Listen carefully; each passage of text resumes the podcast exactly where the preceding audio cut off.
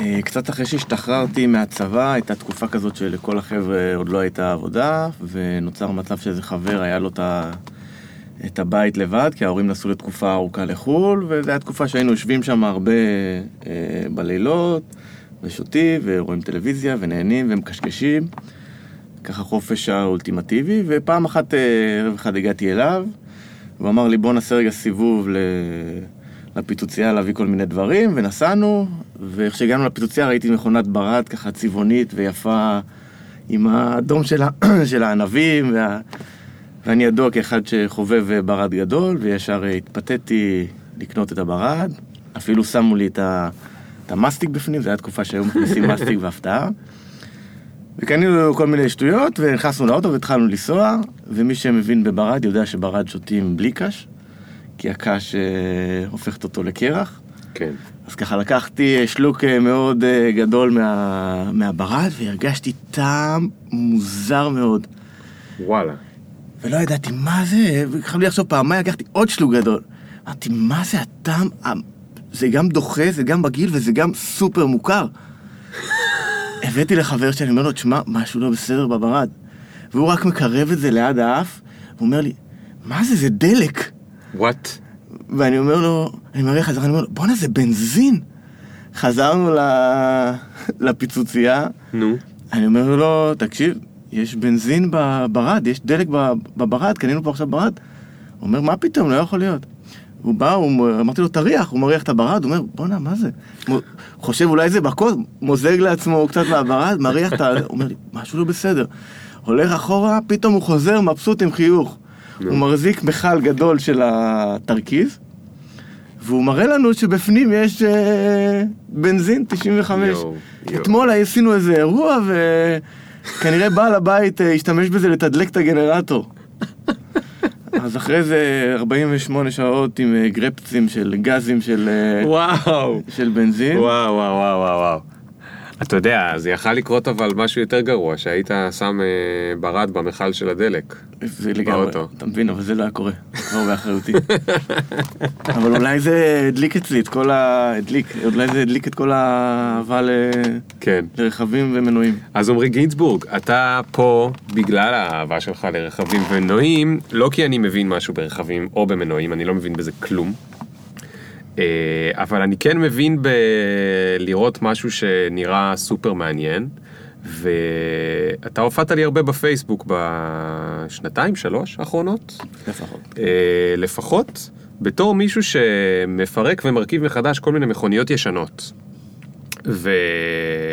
ומתישהו אפילו ראיתי שעשית איתה, עם אחת המכוניות איזה סיבוב, איזה טור כזה, נכון? כן, עשיתי טיול של 30 ימים בארץ. אבל זה לא משהו שבעצם אתה, זה המקצוע שלך, נכון? אתה מאפיין אה, חוויית משתמש, נכון. אה, מאפיין UX, אה, ורציתי לה- שתסביר לי מה זה הדבר הזה, מה זה התחביב הזה, הבנתי שהוא גדל למשהו שהוא הרבה יותר מסתם לפרק ולהרכיב מכוניות, ואתה תספר לי על זה עוד הרבה. אה, איך אתה משלב את זה עם העבודה הרגילה שלך, ועם דגש על אחד הדברים המעניינים באמת, שזה משהו שאתה מקדיש לו הרבה זמן, כלומר, אתה לא עובד חמישה ימים בשבוע, נכון? זה מה שגם רמזת לי לפני זה. כן. אה, שאני חושב שזה מאוד מאוד מעניין, הקונספט הזה, הלהעיז לעשות את הדבר הזה, הרבה מאוד אנשים היו רוצים להוריד קצת הילוך בחיים שלהם, אז אני אשמח שתספר לנו על כל הדבר הזה. איך, אתה מסכים? אני מסכים, אתה שאלת פה הרבה שאלות. אל תדאג, תכף אני אשאל אותך הכל. רק רציתי לדעת שאתה מסכים, אם אתה מסכים, מסכים אז. אנחנו יכולים להתחיל. סבבה? קדימה. מתחילים בעוד שנייה. Yeah.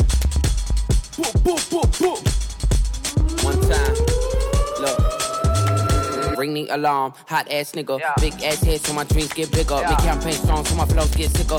Confidence bigger than a drunk ass nigga. Look, I'ma work graveyard shift. היי עמרי, מה קורה?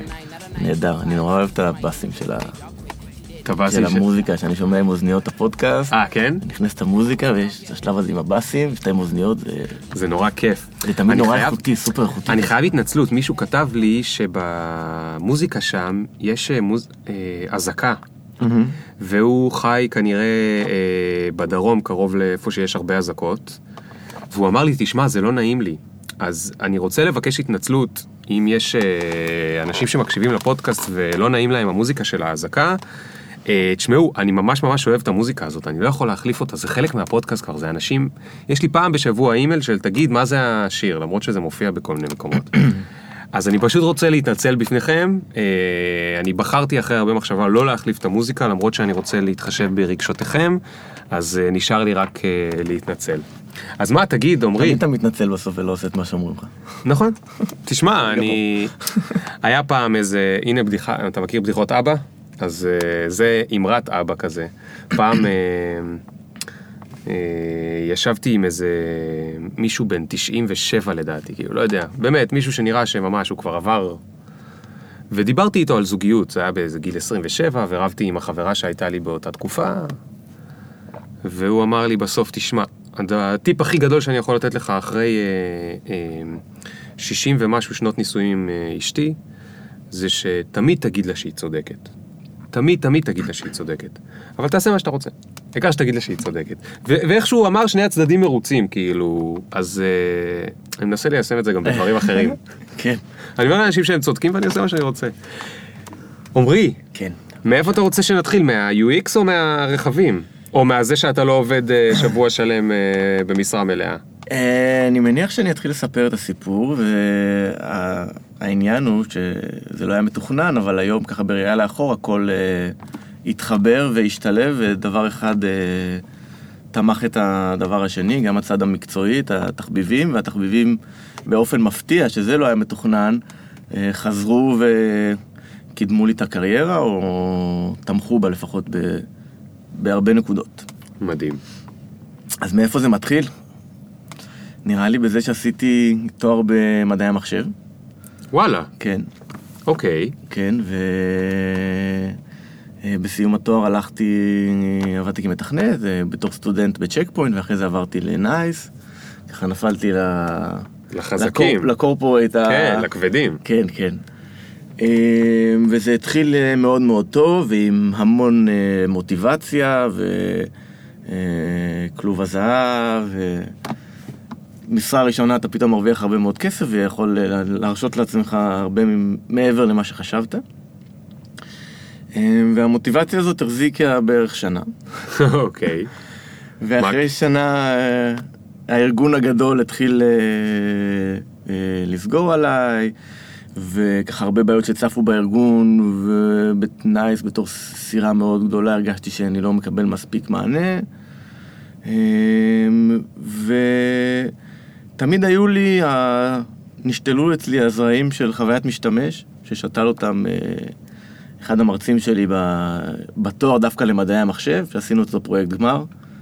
אה, אלכס קומן, לא- מכירים אותו קצת, דוקטור אלכס קומן. כן. ובפרויקט גמר שלנו הוא שם המון המון דגש על חוויית משתמש, שזה משהו שלא כל כך נפוץ נכון. בתואר במדעי המחשב, בטח- נכון. בכלל לא, לא בעולם התכנות, זה משהו אה, שלא כל כך מוכר, בטח לפני, אה, אני יודע, זה כבר אה, שמונה, תשע שנים, קצת פחות. אה, והוא כל הזמן שם על זה דגש, עשינו פרויקט גמר עם לקוח, והוא כל הזמן אמר, שאלתם אותו, ותשאלו את המשתמשים, ותחקרו את המשתמשים. וככה משהו נשאר, וכשהייתי בנייס התחלתי לראות, אה, עבדתי גם על אה, מוצרים שהם, אה, ש- שהייתי אחראי לפתח UI, user interface, והרגשתי שאין לזה מענה. והתחלתי לדבר שם על חוויית משתמש, והתחלתי ללמוד את זה בעצמי. עד שפניתי לאלכס קומן, היה לנו קשר מאוד טוב מאז אותה אה, סדנה, ואמרתי לו, תשמע, כל הזמן דיברת על זה, זה מאוד מעניין אותי, איך, איך ניגשים לזה? אתה יודע, זה כאילו אה, מדהים, אתה נתת פה דוגמה למשהו שהוא מאוד מאוד נדיר. מישהו באקדמיה שדווקא דיבר בצורה יותר מתקדמת מהחברה, איך שהחברת הייטק בעצמה עבדה. נכון. נכון? זה בדרך כלל הפוך. אבל הוא טיפוס סופר מיוחד, הוא לא, לא נראה לי שהוא מייצג כלום, הוא בן כן. אדם שהוא... בסדר, בגלל העולם זה אני רוצה דווקא עוד יותר ל- כן, כן. ל- לפאר אותו. ו- וזה מדהים, והוא ישר אמר לי, תשמע, פעם היה לי סטודנט, קראו לו, קוראים לו טל פלורנטין, טל פלורנטין כתב ספר על חוויית משתמש, נראה לי הוא, הוא הכתובת. אתה יודע שהוא היה פה בפודקאסט? אני יודע, אני אה. וטל פלורנטין, אה, נפגשתי איתו באמת לפני כמה ימים, וכתבתי לטל פלורנטין, הוא אמר לי, יש איזו הרצאה שאני עושה בג'ון מייס, תבוא לראות. הלכתי להרצאה, דיברנו, נוצרה כימיה מאוד טובה, אני יודע, חודש, חודשיים אחרי זה, הוא, טל חזר אליי ואמר לי, תשמע, אני פותח אה, אה, מסלול אה, מאפייני חוויית משתמש, מסלול מלא, אתה רוצה להיות במחזור הראשון? אמרתי, לא יודע, וזה, הלכתי חזרה לחברה, הצלחתי להביא את המימון. אה, וואלה. כן, אמרתי להם, אה, אין לנו, אין גוף כזה בכלל בנייס, אף אחד לא עושה את זה, זה מאוד נחוץ.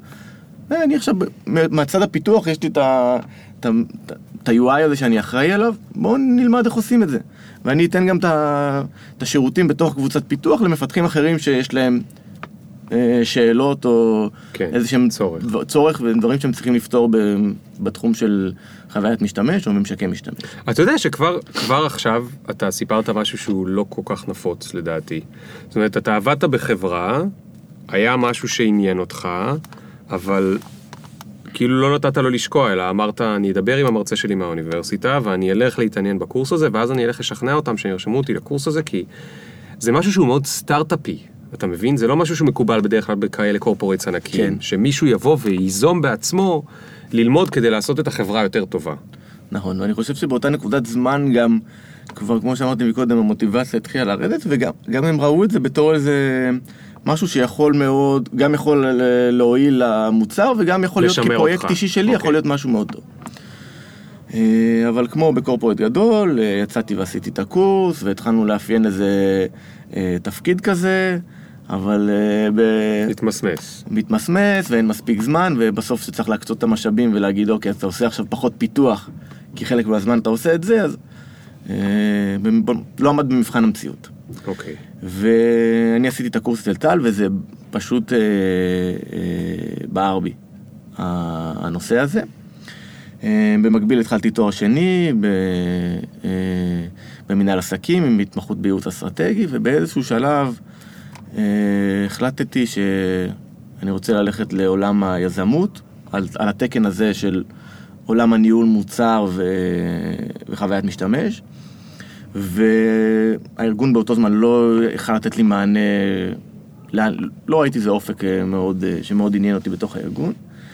וכבר התחלתי לה- להריץ איזה רעיון עם עוד שני שותפים, ובאיזשהו שלב החלטתי שזאת ההזדמנות שלי אה, לסיים את התואר ולהשקיע בו את הזמן שאני רוצה להשקיע בו, זאת אומרת לא רק לבוא לשיעורים, אלא באמת לקחת אה, הרבה יותר ואת הערך המוסף שיש בתואר, וגם... אה, אה, ברח לי. אה, וגם אני אוכל לקדם עכשיו את הרעיון הזה עם, עם השני שותפים שלי. אה, אני אוקיי. אוכל להשקיע בזה קצת יותר זמן. אז החלטת לעזוב את נייס. החלטתי לעזוב את נייס, וכל זה היה אה, חודשיים אחרי שקניתי את, ה, את הטנדר הראשון. אוקיי, אז הכל מתחבר בעצם. אז יכול להיות גם שבעצם חיפשתי הרבה אה, סיבות לאיך אני מפנה זמן אה, אה, לעשות את זה. עכשיו בואו... נ- תסביר דילגתי רגע, מה זה. טנדר ומה אוקיי. מה זה קניתי טנדר, כאילו... אז תמיד הייתי חובב אה, רכבים. אה, בגיל 16 כבר היה לי אופנוע שטח, ואחרי זה טרקטורונים, והייתי מטייל איתם. וכשהתחלתי את הלימודים קניתי איזה ג'יפ קטן, והיינו מטיילים, חבורה של אנשים, ותמיד רציתי שיהיה לי איזה כלי רכב שאני יכול לפרק ולהרכיב אותו, שהוא לא הרכב היומיומי שלי, שאני לא מפחד שעכשיו פירקתי משהו ואין לי מושג מה עשיתי, אז אני לא יכול לנסוע לעבודה למחרת. לא הבנתי שנייה, למה שתפרק ותרכיב רכב? כאילו אם אתה לא אמור לנסוע בו, מה יש לפרק אותו? אז המטרה הייתה... לא, נגיד שהוא מפורק, אז אני מבין למה להרכיב אותו חזרה, אבל למה לפרק אותו מלכתחילה? המטרה הייתה לקנות אה, רכב שהוא ישן, כן, שהוא דורש אה, שיפוץ, אבל אני אוכל לנסוע בו איזה ג'יפ כזה, שאני אוכל לנסוע בו בשדות באזור השרון, אבל שיהיה לי עוד משהו ככה נחמד לעשות. אוקיי. אבל בלי הרבה רצון להשקיע בזה יותר מדי זמן. אוקיי. לא רצית להפוך אותו לאיזה משהו מפואר. ממש לא. אוקיי. רציתי לקנות רכב אה, שיש בו משהו מיוחד, שהוא קרוב להיות רכב אספנות. רכב אספנות בישראל זה כל רכב, יכול להפוך כל רכב שמלאו לו 30 שנה. Hmm. אה, והשינוי הזה שאתה עושה לרכב, להעביר אותו לאספנות, יש לזה זכויות אה, וחובות, בוא נגיד את זה ככה. אתה מקבל הטבות בביטוח ובעלויות השוטפות של הרכב, ואתה מקבל גם הגבלות, כמו זה שאסור לרכב הזה לנוע בכבישים בין השעה 7 בבוקר ל-9 בבוקר. כן. שזה בעצם איזושהי הגבלה כדי שנועדה למנוע מאנשים להשתמש בזה כרכב היומיומי. כדי אה. לא לעודד אנשים אה, אני חשבתי שזה. כדי לא לעשות פקקים, כי אה, יש את המהירות ש... טעות רווחת. אה, זו טעות רווחת, אוקיי. כן. אה, זה, בעיקר כדי שאנשים לא ינצלו את זה שהביטוח אה, נורא זול, ובעצם לא לעודד אותם להחזיק רכבים ישנים, אלא לעודד אנשים לשמר רכבים ישנים. הבנתי. אז, אה, איך, בחרת אותו? אה, היה ברור לי שהוא יהיה 4 על 4 כל הרכבים שלי אה, היו 4 על 4 חוץ מהאופנוע, שזה לא התאפשר שהוא יהיה 4 על 4 אה, זה היה לי ברור שהוא צריך להיות בשטח, הייתה לי חיבה כל החיים לטנדרים, משהו במרכב הזה של. עם הארגז, והרכב הזה שמעתי עליו, עליו זה נקרא SJ410K. זה גרסה מאוד נדירה שהגיעה בשנת 84, זה של סוזוקי. אה, זה דומה לסוזוקי סמוראי, זה ג'יפון של סוזוקי, אבל זה בעצם, האמת שזו גרסה יותר ישנה, אה, ולא רואים כאלה על הכבישים. ואין כאלה, וכולם חולמים על כאלה, אבל נדיר מאוד למצוא. וידעתי על איזה שניים שיש להם, שני אנשים שיש להם את זה בארץ, וואלה. כן, ולא, רק כל פעם שרק ניסיתי ליצור קשר אמרו לי, אין, לא מוכר את זה בחיים, לא מוכר את זה בחיים. כן. רכבים לא במצב נסיעה, זרוקים בחצרות אחוריות, אה, מעלים... אה, אה, הם היו לא במצב ועדיין לא מוכרים אותם? כן, שוב, על הרכב הזה יש לו איזה פרסטיג' כזה, אוקיי. שאנשים. מאוד מאוד אוהבים, כן. זה לא איזה רכב יוקרה סופר פנסי, לא, לא, אני מבין, אני מבין. עם- המון המון אופי. כן. אה, ויום אחד, אני זוכר, גרתי בתל אביב, ושלחתי איזה סתם הודעה לאיזה חבר שמכיר, חבר שיש לו, אמרתי לו, מה עם הדבר הזה? הוא אמר לי, בואנה, הוא מוכר. לא. כן.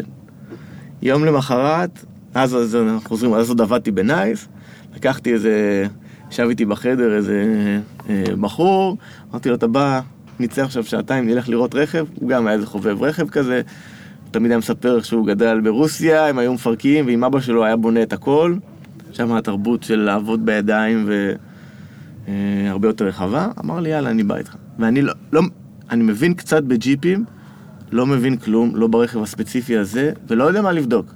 כן. אני רק אה, שמעתי שיש כזה למכירה, ולא מעניין אותי בכלל המחיר. אני הולך ואני קונה את הרכב הזה. וואו. וואו. איזה כיף לראות מישהו שכל כך מתלהב מ...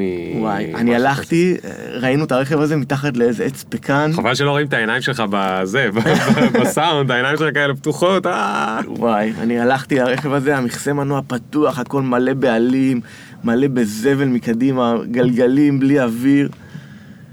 רק ראיתי את זה, הסתכלתי, לא ידעתי אפילו מה אני מחפש. וגם, יש אחד כזה, אתה מבין? כן. אז מה אני אגיד לו, יש פה דפיקה? אני כן. לא קונה, יש פה דפיקה? כן. אה, הוא לא מניע? כאילו, לא, לא חשבתי לבדוק אותו, הוא אמר לי, יש איזה בעיה שהמנוע לא יושב כרגע, נכון? חסר איזה חלק? הוא מניע, אי אפשר, אבל אי אפשר להניע.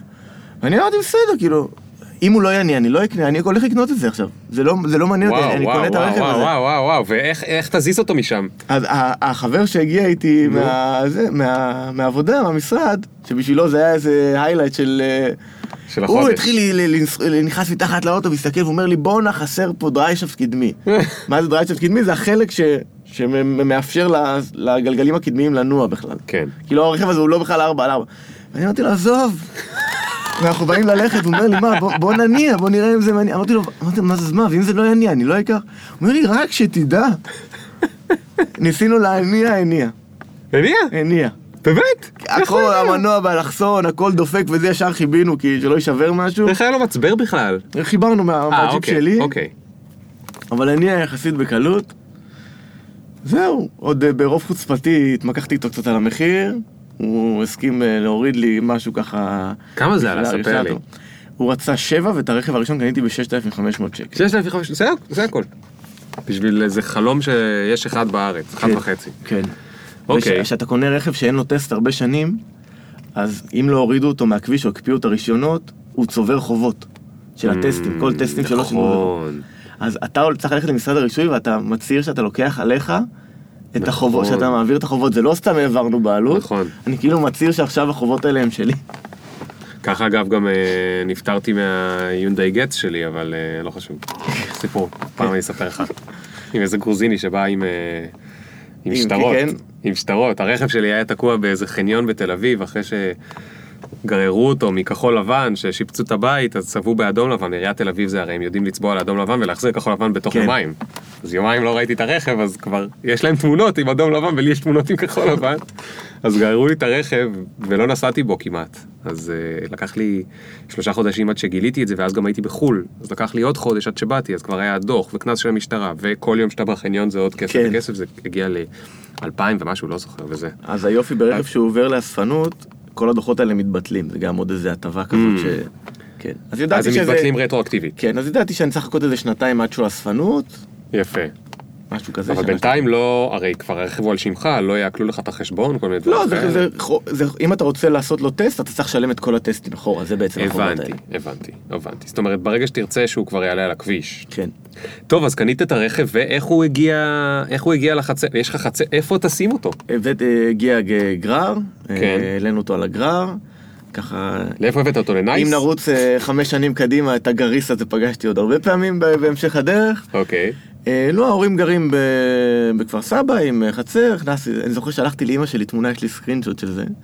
שלחתי לה תמונה באחד ה-iOSים הראשונים. ושלחתי לה תמונה של האוטו, והיא כתבה לי מלא סימני שאלה, אתה קונה את הגרוטאה הזאת? ברור, נו, מה היא תגיד לך?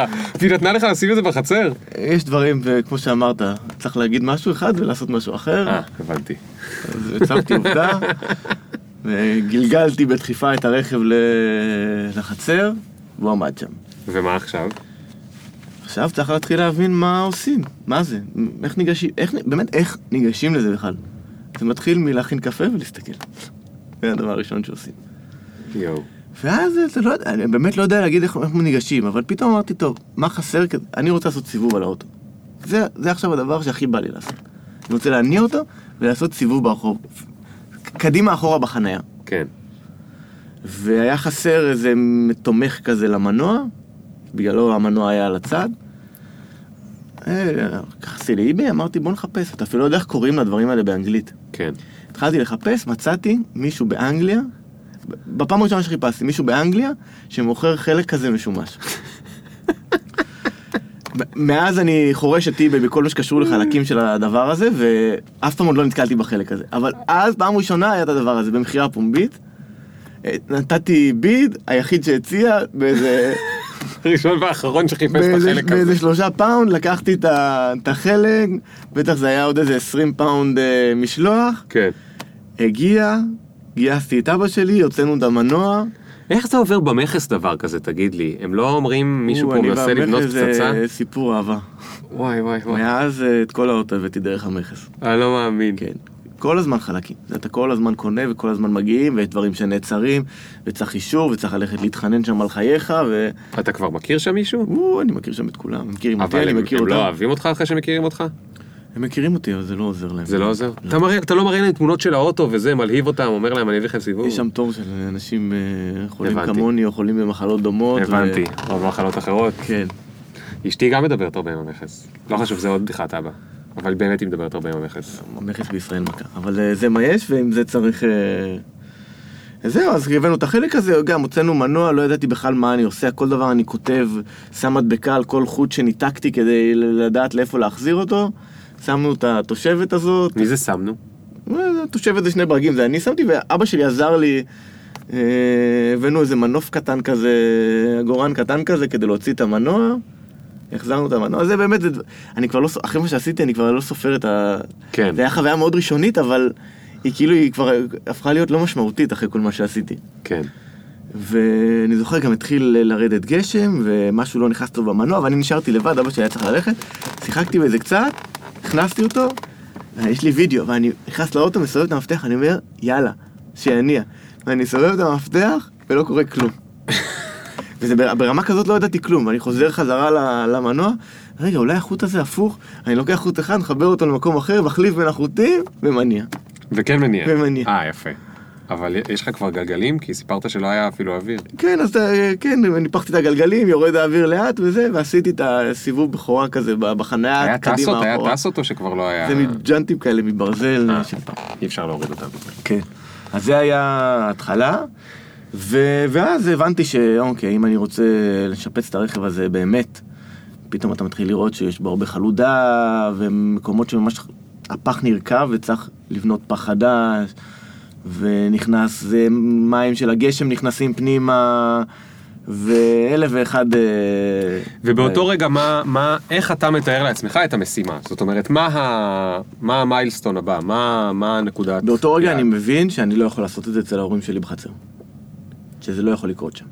אוקיי. ובשילוב זה שהתחלתי להתקשקש עם, ה, עם הסטארט-אפ פה עם שני שותפים, שזה רעיון שרציתי לפתח, בשילוב זה שעשיתי, שלמדתי ב, אה, בהרצליה, אמרתי אוקיי, אולי זמן ל- לעזוב את אה, תל אביב, ואני צריך בית עם חצר.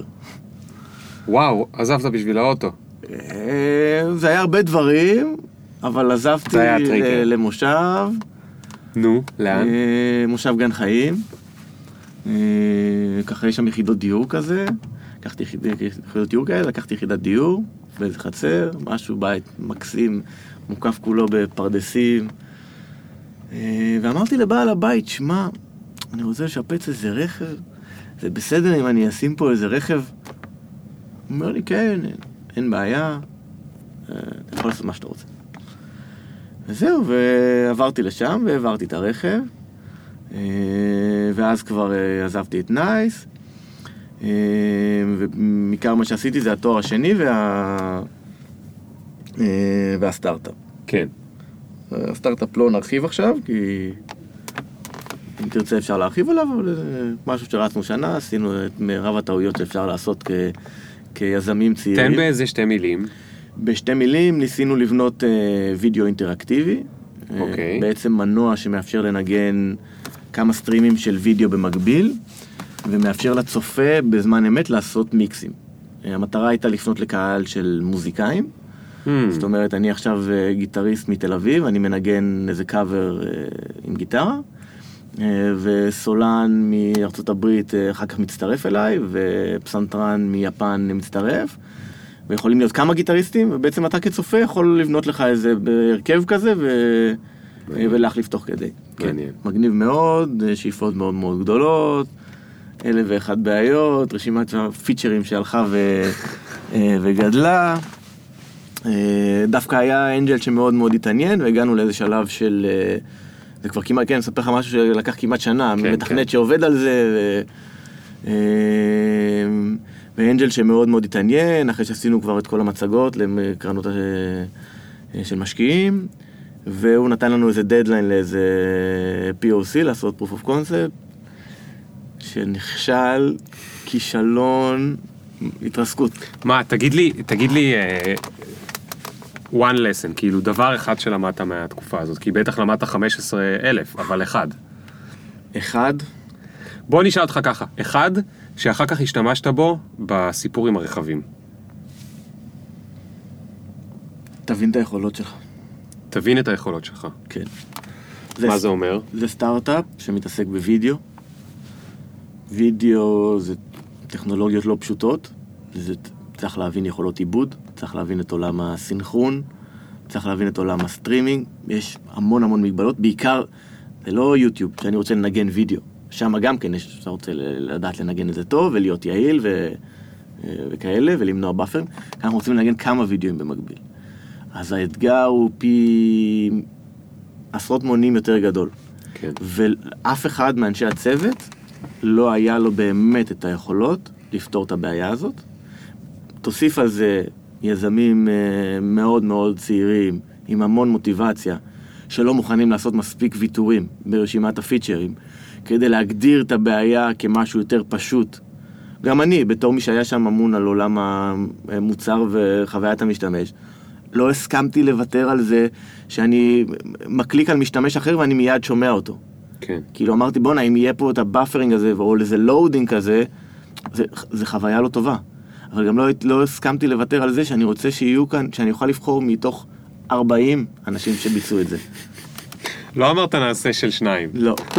היום אני מלווה חברה בתור אה, יועץ חיצוני, כבר חברה עם שלושה יזמים מדהימים, חברה שנקראת ג'מלי, שעושה בדיוק את אותו פתרון. הגיעו אליי וואו. במקרה, וואו.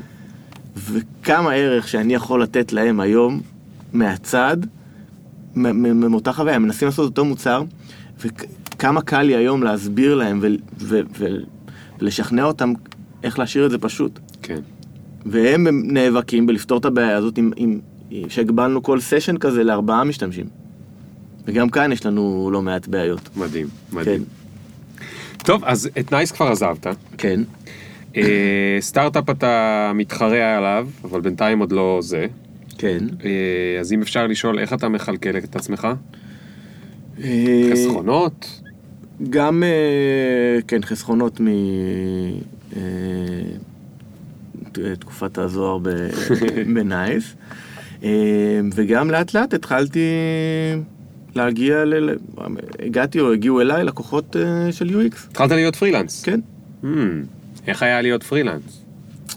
אה, פרויקט ראשון היה חצי פרויקט אה, התנדבותי כזה לחבר שהקים סטארט-אפ ואני רציתי להשתפשף והלכתי אליהם וישבתי איתם והם הגדירו לי בעיות שיש להם במוצר ו... וניסינו לפתור אותם. כן.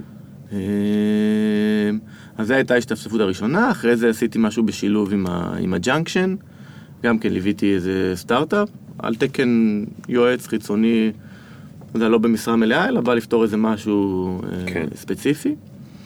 אה, ומשם התחלתי להגיע ללקוחות אה, אמיתיים, ככה התחלתי לבנות לי תיק עבודות מה- מהדברים הקטנים האלה שעשיתי, כן. אה, שבוא נגיד למאפיין מתחיל זה הדבר, אה, האתגר הכי גדול הוא להביא איזה תיק עבודות ראשוני, כן. שיהיה לך אתר אינטרנט לשלוח מישהו להסתכל. ומה מה הייתה התוכנית? התוכנית הייתה אני רוצה להיות מאפיין חוויית משתמש פרילנס?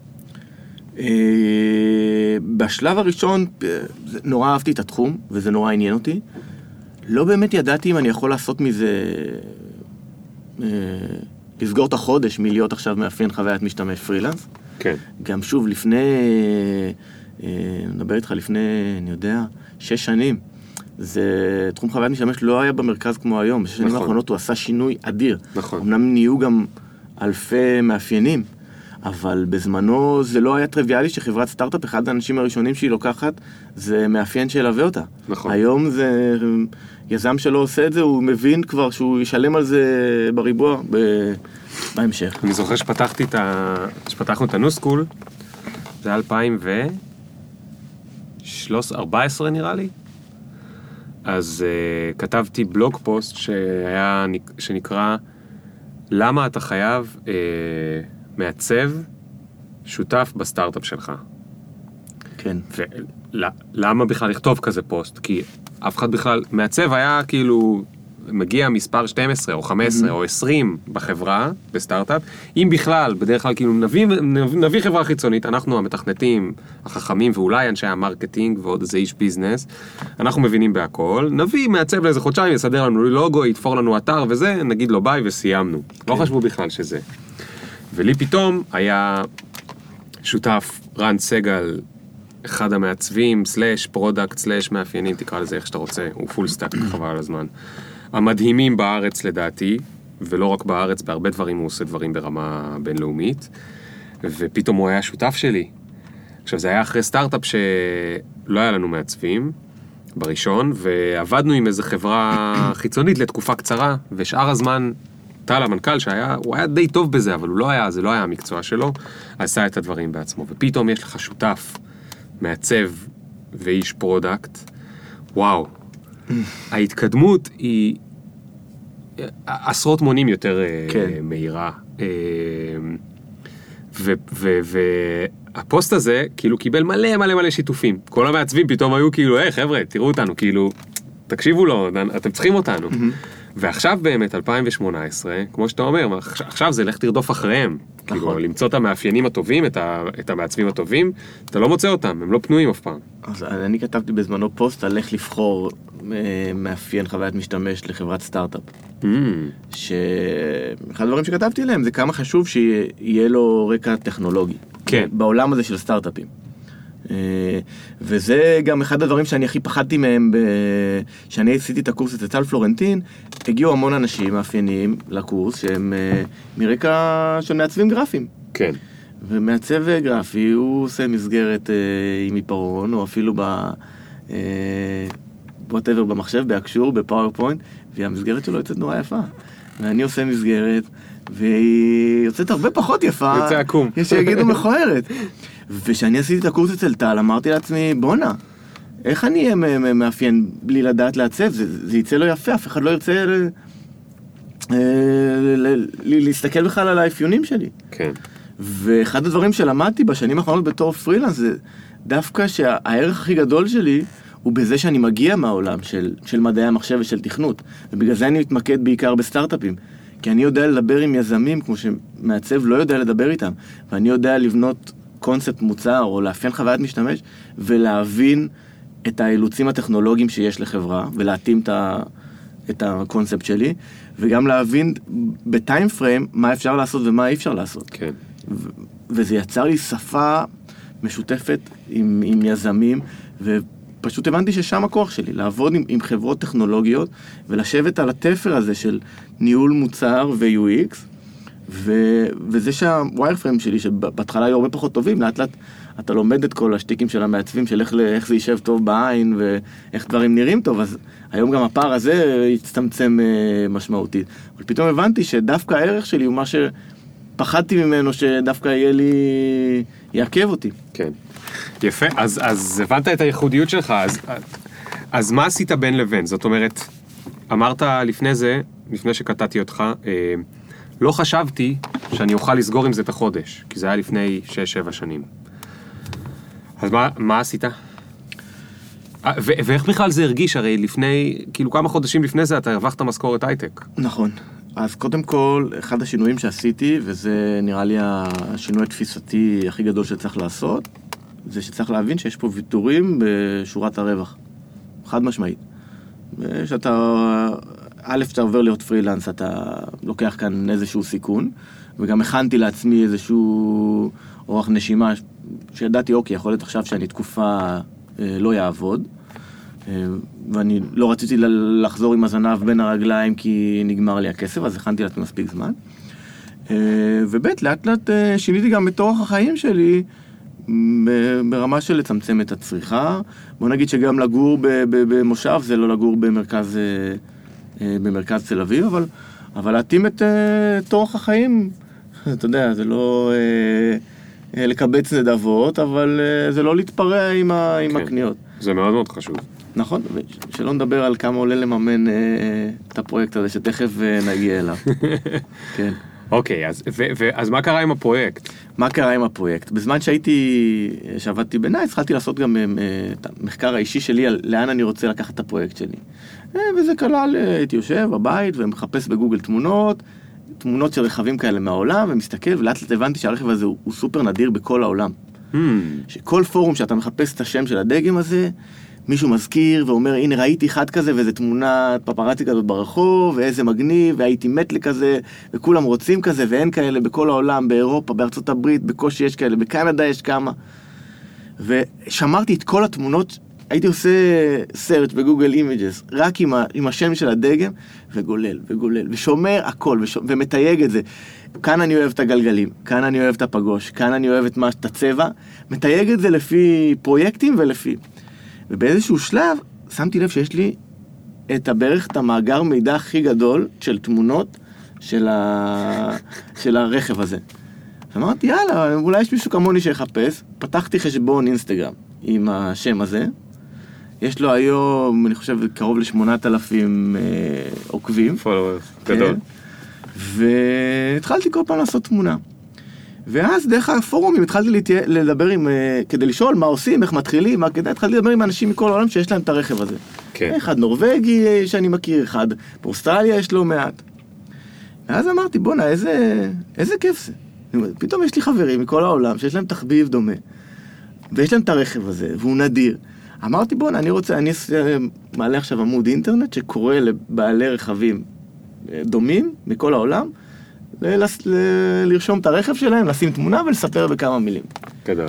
העליתי אתר אינטרנט כזה, זה כל כך נישתי הרי, זה כאילו אפילו לא היית אומר אז אה, ה- רחמני אספנות משנות ה-80, אז- היית אומר סוזוקי משנות ה-80. אז העולם הזה של, של ג'יפים של סוזוקי הוא מאוד, לא- הוא ממש לא נישתי. נכון. יש המון כאלה, זה, אנשים משפרים את זה בכל העולם, ויש קהילות ענקיות, קבוצות ענקיות בפייסבוק. וכאילו, כולם באיזשהו מקום חולמים שיהיה להם את הגרסה הזאת של הטנדר.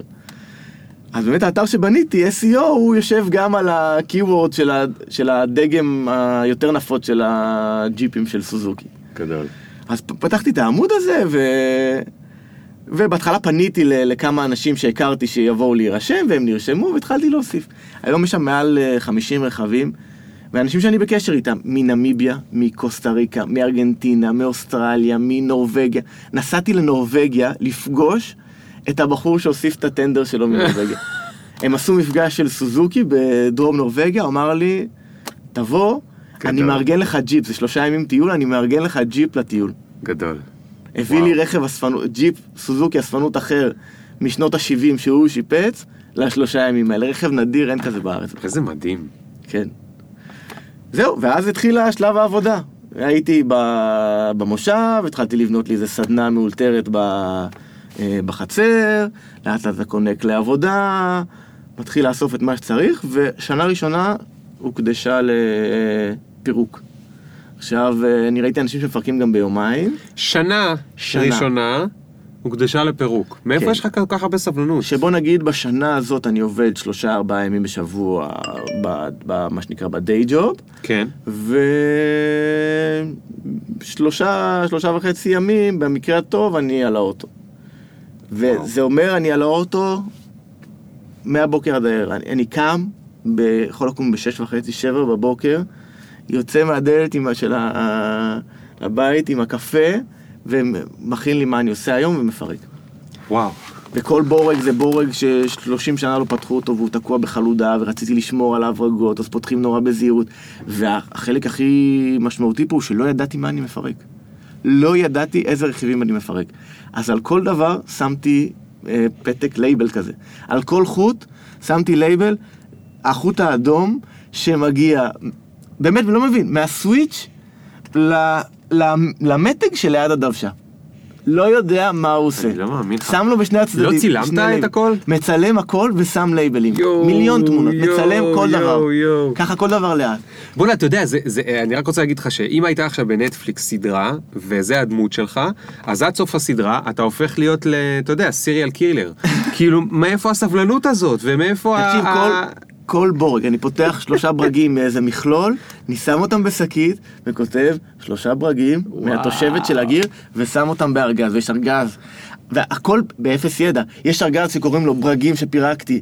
כשנכנסתי מתחת לאוטו, וברגים שפירקתי מהתא מנוע, וברגים שפירקתי מתוך האוטו, כי אני לא יודע כלום. אבל לא חשבת כאילו למצוא מניואל? אה, אז גם הזמנתי? מניואל, אבל המניואל הוא בעיקר מסביר איך מרכיבים. לא, והרמת ידע היא כזאת, היא באמת כלום, שאתה לא מבין מה אתה מפרק. אתה לא מבין. וואו, וואו, וואו, וואו, וואו. אז שנה שלמה פירקתי. ותוך כדי ואת כל שפירקתי, הברגים איפה שמת? בקופסאות, במחסן, להורים שלי יש בבית אה, מרתף. עשיתי... תגיד, מה הכי הפחיד אותך? עשיתי אצל אמא שלי פרויקט חומה ומגדל.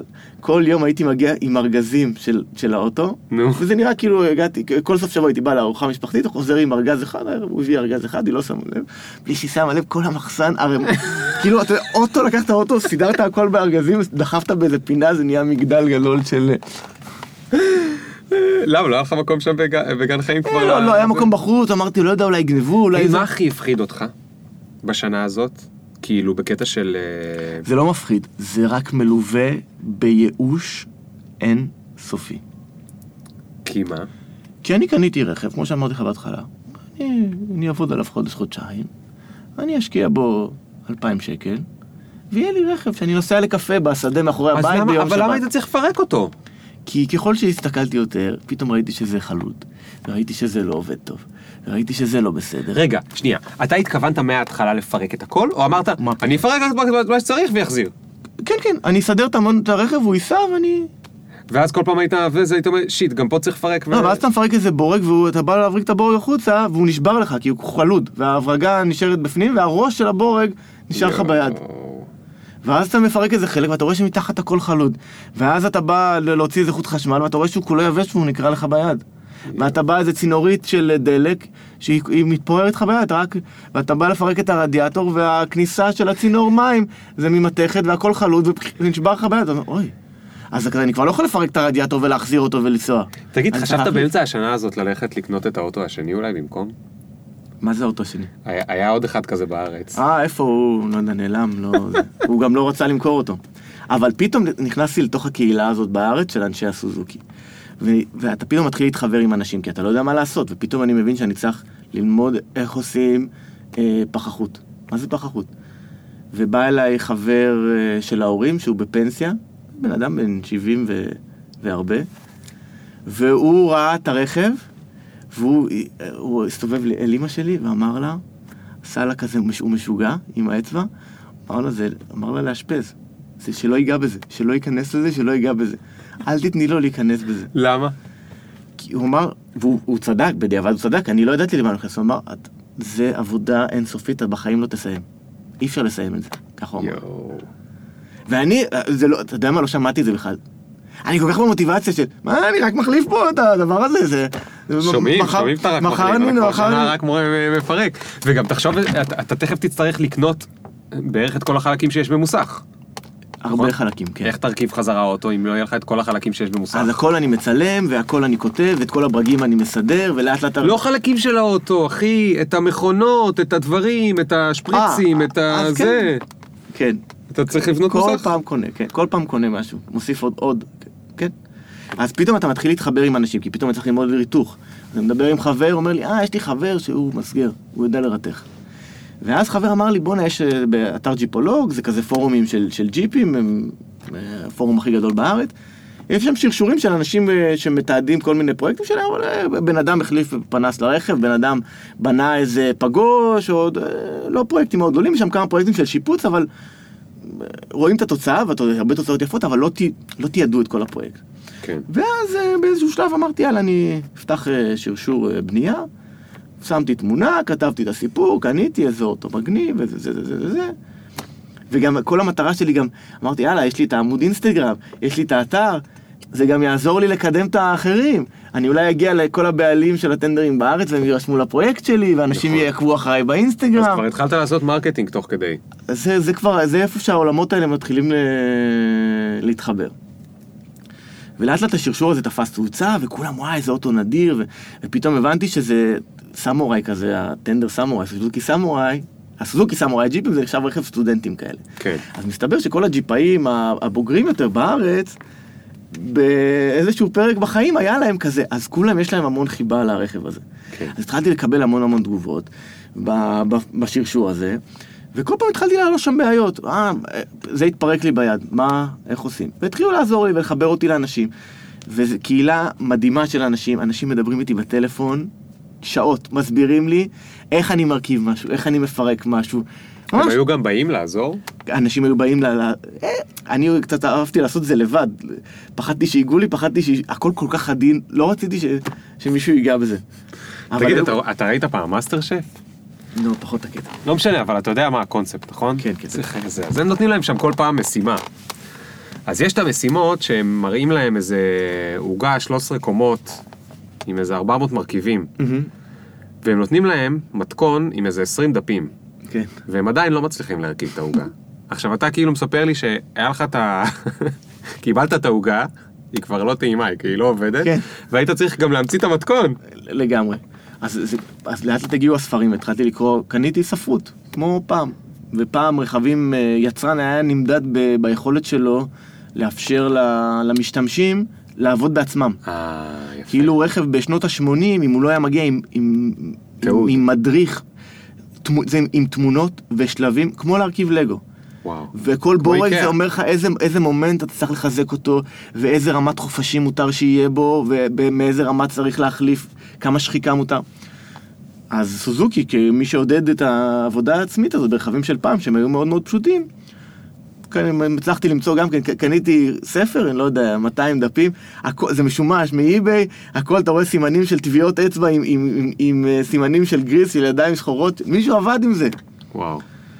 אה, וזהו, ובמקביל, בשיר, אני זוכר שבשרשור ג'יפולוג, או באחת השאלות ששאלתי על ריתוך, או איך עושים, אז שמתי תמונה של כל החלודה ברכב, והכל הפח באמת קרוע, ומישהו אמר לי, וואי, מה זה, זה, זה לא לעשות טלאי קטן של ריתוך, זה פרויקט גמר ב, בזה, ובחור אחר אמר לי, לא לומדים, אי אפשר ללמוד ריתוך בהתכתבות.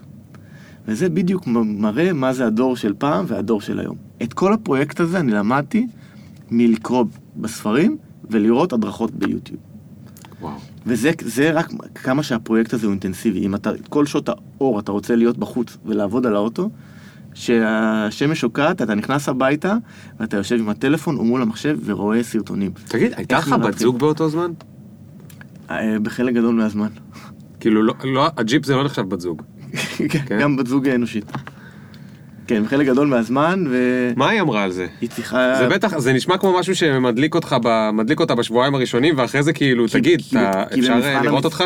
כי זה המון ויתורים גם שלי וגם שלה. נכון. אה, תשמע, בתקופות שעבדתי על... אין, אין, לא הולכים לים ב, ביום שישי בצהריים.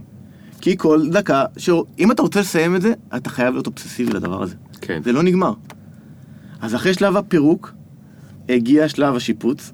שנה שלמה רק חתכתי פחים ועשיתי טלאים. וכאילו, זה נקרא פבריקציה, אתה לוקח חתיכות פחים ומכופף, והתחלתי מהתחתית של הרכב כדי ללמוד לרתך, אז שכל המכוער יצא למטה. הדברים הפחות אסתטיים. עם המרתך והזה, והמסכה והכל. ריתחתי, למדתי וואי, לרתך, וואי, וואי, וחבר שהוא, שחיברו, היום הוא חבר, בזמנו חיברו אותי למישהו שיודע לרתך, שולח לו תמונה של הריתוך, והוא אומר לי, אתה צריך זרם יותר גבוה, אתה צריך לזוז יותר מהר עם ה... כל פעם תמונה, והוא אומר לי. מה לעשות. וואו. אפרופו ריתוך בהתכתבות. ולאט לאט העליתי, היית צריך גם ללמוד צביעה. הצביעה זה הדבר היחיד שנתתי ל- למישהו לעשות. אוקיי. וזה הדבר שהיה לי הכי קשה. באמת. כי זה לא אתה. כי הוא לא עשה עבודה טובה, וזה חזר לו טוב, ופתאום הפרויקט שעבדת עליו כבר זה היה ארבע שנים, חזר לו טוב, והאם אני עכשיו... ארבע שנים בנית את האוטו. בטוטל ארבע שנים. וואו, וואו, וואו. רק ההרכבה. בסוף, עוד שנה שלמה. וואו. תגיד, לא מתת מפחד לעלות על האוטו הזה? אני לא הייתי עולה עליו בחיים אחרי ה... הייתי, אתה יודע, אני לפעמים אה, מפרק, לא יודע, מ...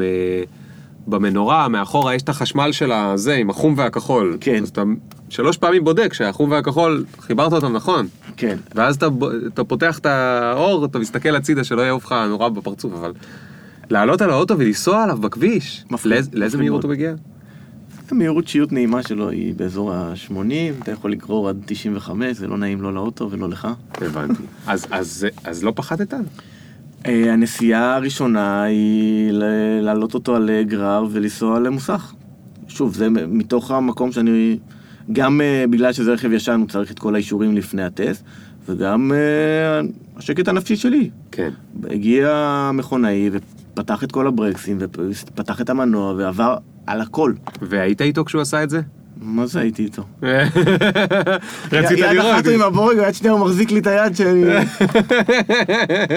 נו, הצלחתי? אמרת לו, אבא, הצלחתי, הצלחתי? וואי, זה היה... האמת שאחד הרגעים המרגשים זה המדבקה של הטסט. כשקיבלת מדבקה של הטסט ואתה נוסע באוטו, עכשיו זה, זה לא נגמר בזה שיש לי רכב שהוא, שבניתי, זה כל רגע הוא, הוא אה, יש בו ריגוש. מזה ש... אה, ה- הידית של הווינקרים היא לא עבדה טוב. היית מזיז שמאלה וזה, היית צריך למצוא איזה נקודה ספציפית שהיא עובדת, אבל זה לא עובד טוב. ואמרתי, טוב, אני אפתח את זה. ואיזה כמה ברגים פתחתי, ואיך שפתחתי, זה, זה מנגנון עם קפיצים, פום, כל הקפיצים קפצו, עפו איזה שלוש גולות, הכל מפוזר לי באיפה שעבדתי.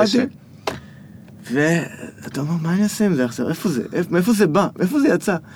אתה, אתה, קודם כל, אתה, זה נגיד, אתה נלחץ, מה זה? איך אני ארכיב את זה?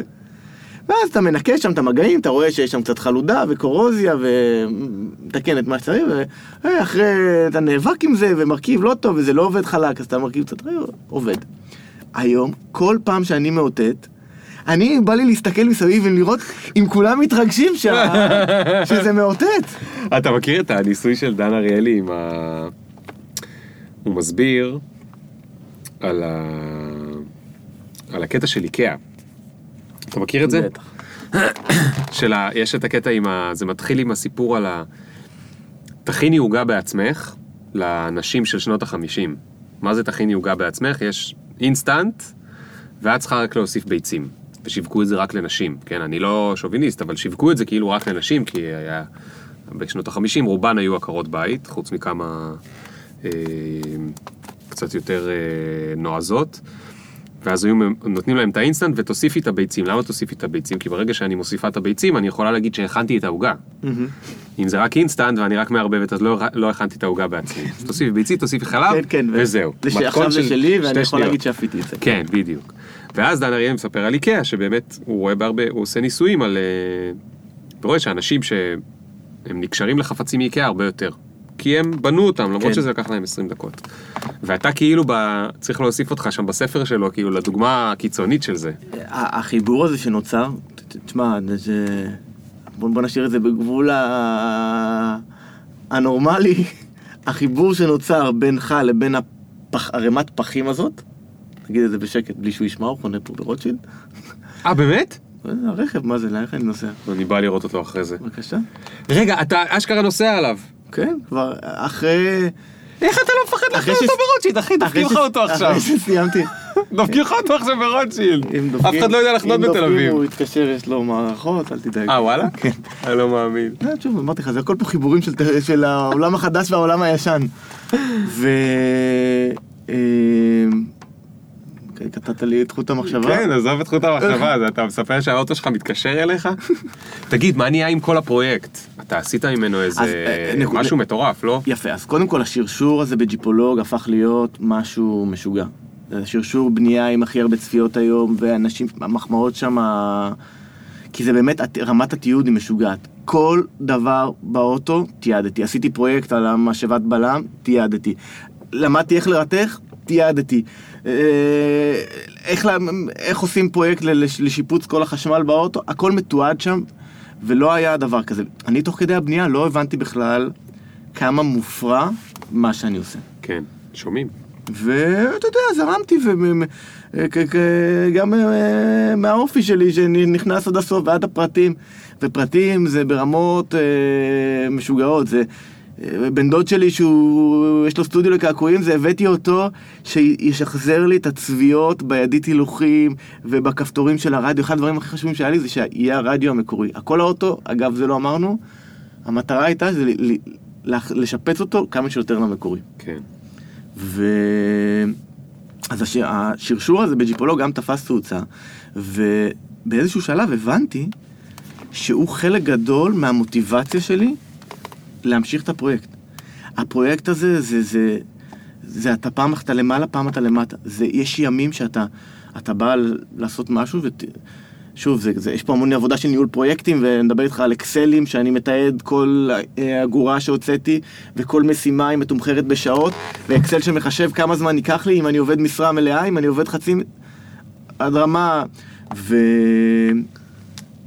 ובאיזשהו שלב הבנתי שאני יודע שהם כל כך מחכים לעדכונים שלי, אז שאני שבוז ושיש לי יום קשה ושבאתי ותכננתי לעשות, לפתוח, להרכיב איזה בורג וזה ייקח לי חמש דקות, אבל פתאום זה נשבר ו- ופתאום הבנתי שהכל חלוט וזה הפך להיות משימה של שלושה ימים ואתה בדאון כי לא תכננת וכי כי בא לך לזרוק את הכל ו- ולעזוב את זה ולמכור את זה למישהו ופתאום מישהו כותב לך בפורום, מה, לא עדכנת כבר כמה ימים פתאום אתה מרגיש שאתה עושה את זה גם בשבילם. כן. וזה היה נקודה סופר מעניינת בשבילי. להבין כמה אפשר לרתום את העולם הזה של הרשת החברתית, והנה, זה היום נותן לי מוטיבציה להמשיך. הם שם, אני יודע, אפילו אם הם לא מחכים, וזה אפילו אם זה בראש שלי, אבל אני רוצה לתת את העדכון הבא, אני רוצה לספר להם, אני לא יכול לאכזב אותם. אפילו נד... בפוסט הראשון שכתבתי שם, כתבתי שהמטרה של השיפוץ זה שאני רוצה בסוף לעשות מסע מדן ועד אילת עם, ה... עם הטנדר. ובחודש מרץ האחרון יצאתי למסע של 30 ימים של קמפינג עם האוטו, לבד, וטיילתי מצפון ועד דרום, לבד? לבד. ומי פגש אותך בדרך? הג'יפולוגים הם באו? אז אה, זה... כאילו תיעדת את זה גם שם ב... תיעדתי את המסע, עשיתי גם לזה סרטון, ועשיתי, אגב, את, את כל הבנייה של ה... את כל הבנייה של הטנדר תיעדתי בטיימלפס. של... יש טיימלפס אה, ביוטיוב. וואו. כל הבנייה ממש ככה, את הכל, כל הזמן הייתה מצלמה איפשהו אה, מה זה, מתעדת. מיליון שעות. אה, כן, מורידים הרבה, זה הגיע לזה, יש גרסה של דקה ויש גרסה של ארבע דקות, עם המון חומרים. וואו. אה, אז זהו, אז בוא נגיד, אתה עשית פרויקט ספר ב-24 שעות. אז אני החלטתי שאני רוצה לכתוב ספר ועשיתי פרויקט של 30 ימים ועוד לא סיימתי, אבל לקחתי איזה 30 ימים שהם היו פסק זמן, גם לטייל עם האוטו, גם אה, אה, לכתוב, וזה היה בעיניי איזה ככה סגירת מעגל, שהוצאתי את האוטו הזה שאני בניתי ונסעתי, חציתי את כל הארץ. כן. ואני טיילנו איתו הרבה עם החבר'ה בדרום ובדרכים, כל המסלולים הכי קשים בדרום. תגיד, אמרת לי שאתה עכשיו גר בברצלונה, נכון? כן, בעקבות אה, אהבה, מותר להגיד. כן, כן. איפה האוטו כשאתה בברצלונה? האוטו אה, מוחבא, שמור היטב, מתחת לאדמה. אוקיי, לא התכוונתי שתגיד את הכתובת, לא, שאף לא. אחד לא ייקח, אני מתכוון, אתה לא לקחת אותו איתך לברצלונה. עד אה, כאן. עד כאן. בברצלונה קנינו עכשיו קמפר כזה, שזה הפרויקט שיפוץ הבא. כן, אני די על הקו, הלקוחות שלי פה, אז אני נמצא אה, המון בארץ. אז אתה כל פעם בא ל- לעבוד קצת עם לקוחות וחוזר ל... אני בא, או שאני עושה פה אה, פרק זמן לפרויקט, או שאני מגיע לכמה פגישות, אם יש פגישות חשובות, או לפגישות התנעה, או כן. להציג פרויקטים, להתחיל פרויקטים הבאים. אז תגיד, היום, כמה מהזמן בשבוע אתה עובד וכמה זמן אתה משחק עם מכוניות? אה, אז היום אני בעיקר נהנה מהעובדה שסיימתי את הרכב הזה, ואני... כן. בוא נגיד שעכשיו קנינו את הוואן הזה, ואני רק חושב על להיכנס לזה, זה נראה לי... זה, זה מפחיד. כאילו, לה- להתחיל עוד פעם את הפ... אולי תקנה פעם אחת משהו במצב קצת יותר אז טוב, שלא ייקח ש... הוא- במצב הרבה יותר טוב, הוא. נוסע, אנחנו כבר מטיילים בו, ונסענו אוקיי, קוסטה בראבה אוקיי. ובלבאו. אוקיי. אבל... אה, אז למדתי עכשיו ספרדית, אה, זה חלק גדול מהזמן, אז כרגע אני on hold עם. כן, אמרת לי, למדת. כל יום ארבע שעות? כן. בוא'נה, כן. אתה מתמידן, כל הכבוד לך. תשמע, צריך לתקשר עם ה- כן. עם האישה. אבל היא בכלל בטח קסטייז'אנו, שזה גם לא בדיוק האמת ספרדית. שהיא- שהיא בכלל ברזילאית. אה, נו, היא גרה באמת. בספרד איזה 15 שנים. הבנתי. אז היא מדברת אה, קסטיאנו או לא. מדברים אס- אספניול וקטלנית. קטלנית? חזקים בקטלן. קטלנית. הכל כן. כתוב שם בשתי אה, שפות. לא, הכל כתוב רק בקטלנית. אה, רק בקטלנית? מה זה? היא, היא שהיא דוברת, היא גרה יותר מ-15 שנה, כן. היא דוברת גם קטלנית וגם אה, ספרדית ברמת שפת אם, היא עובדת בזה כל יום. כן. כשהיא באה בחנות והיא, והיא מדברת בספרדית, הם עונים לה בקטלנית. כן, נכון, הם, הם לא אוהבים... אה, כן, כל. גם זה, אני לא מבין שאני לא יודע, הם עונים לי עם המרסי הזה שיש להם. אז תגיד, אז uh, אתה בעצם עובד את uh, עבוד, העבודה הרשמית שלך, היא כמה מתוך השבוע? אה, משתנה. אני משתדל שזה לא יהיה משרה מלאה, אבל... אה, אה, אני משתדל שזה לא יהיה משרה מלאה ברמה שאני לא לוקח הרבה לקוחות במקביל. אבל הלקוחות שלי, שלהם יש אה, פיקים בעבודה, אני fully dedicated אה, בשבילם, ואני חושב שגם השינוי הזה שעשיתי, שאני לא כל הזמן במשרה מלאה, לקח לי זמן גם את זה, להגיע למסקנות האלה, הבנתי כמה ערך זה נותן ללקוחות שלי. גם מהמקום שאני הרבה יותר זמין, אם עכשיו יש להם פיק, אז אם לפני זה הלו"ז היה מלא ולא היה לי את התמרון הזה כן. לעשות, לא היה מרווח. לא, כן, לא היה לי איפה לשחק, אז היום אני, אין לי בעיה עכשיו לתת אה, חודש שהוא הרבה יותר אינטנסיבי, או שבועיים שהם הרבה יותר אינטנסיביים, ואני נמצא שם בשביל הלקוח שלי. אבל במקביל, בחודש אחרי זה, אני לא אתרגש אם אני עכשיו שבועיים אה, לא עובד על, על פרויקטי UX, ואני מקדם דברים אחרים, כמו הספר שאני כותב, או, או כמו הפרויקט הזה של הוואן שאני רוצה אה, אה, לעשות, או אפילו רעיונות שיש לי בלשנות את האתר שלי, או לא יודע, הפלטפורמה הזאת של, ה, של רשימת הטנדרים הזאת, ש, שהולכת ו, ו, וגדלה לאט לאט, זה הפך להיות, להיות היום איזה זירת שאני עושה בה ניסויי SEO. אני כל הזמן מנסה keywords אחרים ומוסיף כל מיני טקסטים ו, וגם הסרטונים ביוטיוב ששמתי אני משחק איתם כדי לראות. כאילו זה המקום שאני לומד בו תחומים אחרים שהם אה, כן. אז אתה משקיעים. לומד גם קצת מרקטינג וקצת אה, זה. כן. אני חושב שזה אגב... זה מקום מדהים המקום שאתה נמצא בו, המקום הזה של אה, להצליח. אני קצת הייתי שם ב-2000 ו... בדיוק בסוף השבוע, אני לא יודע מתי ישודר הפודקאסט, אבל בסוף שבוע הזה יש את ה... היום הלא דיגיטלי. מהמם. זה שנה רביעית, אני חושב. כן, הראשונה היה 14, 15, 16, 17. וואלה, זו שנה חמישית. אה, והפרויקט התחיל בסוף 2013, של אה, להעלות את המודעות להתמכרות לסמארטפון. והייתה לי תקופה די ארוכה, שחצי שבוע הייתי על הדבר הזה. בלי, זה לא הביא הכנסה, זה לא הביא, זה... חייתי מאוד מאוד מאוד ב...